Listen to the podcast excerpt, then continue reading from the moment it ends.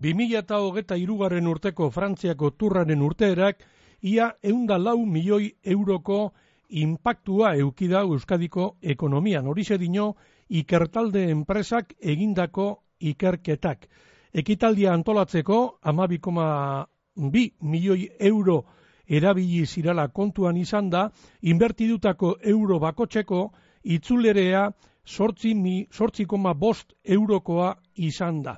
Ikerketa horren arabera, ekitaldiak urteko tutako bederatzireun eta ladeun, bederatzireun eta lau enpleguren balioakidea dan jarduera ekonomikoa sortu dauz, ganera, ia emeretzi koma bost milioi bildu ditu diru kutsa publikoetarako. Bingen, supiria, jaurlaritzako bosero alea. Grande parta antolatzeko amabi milioi euroko aurre kontua aurre ikusi genuen erakundeetatik. Azkenean, erabilitako diru publikoa izan da amabi koma bi milioi. Aurrekantuan jasotakoa baino berreun mila euro gehiago.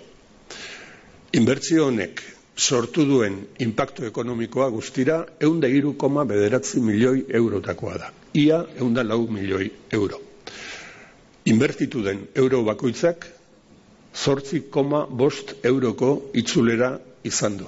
Edo beste batera esan da, zortzi aldiz biderkatu da egindako inbertsioa.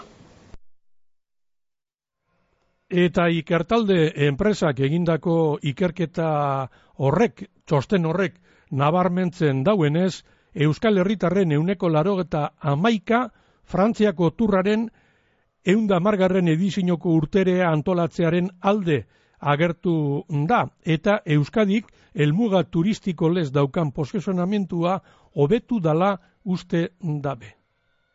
Ikertalek egindako ikerketaren arabera, herritarren euneko larogeita zeiak, eun herritarretatik larogeita zeik, postasun uneak bizi izan ditu turra Euskaditik ateratzerakoan.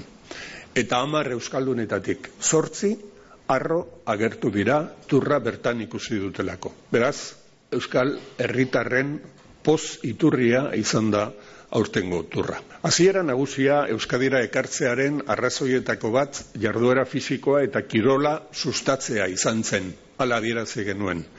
Eta herritarren euneko irurogeita malauk, eun herritarretatik irurogeita malauk uste dute kirol zaletasuna eta bizimodu osasuntzuagoa sortzen lagunduko duen gertakizuna izango dela.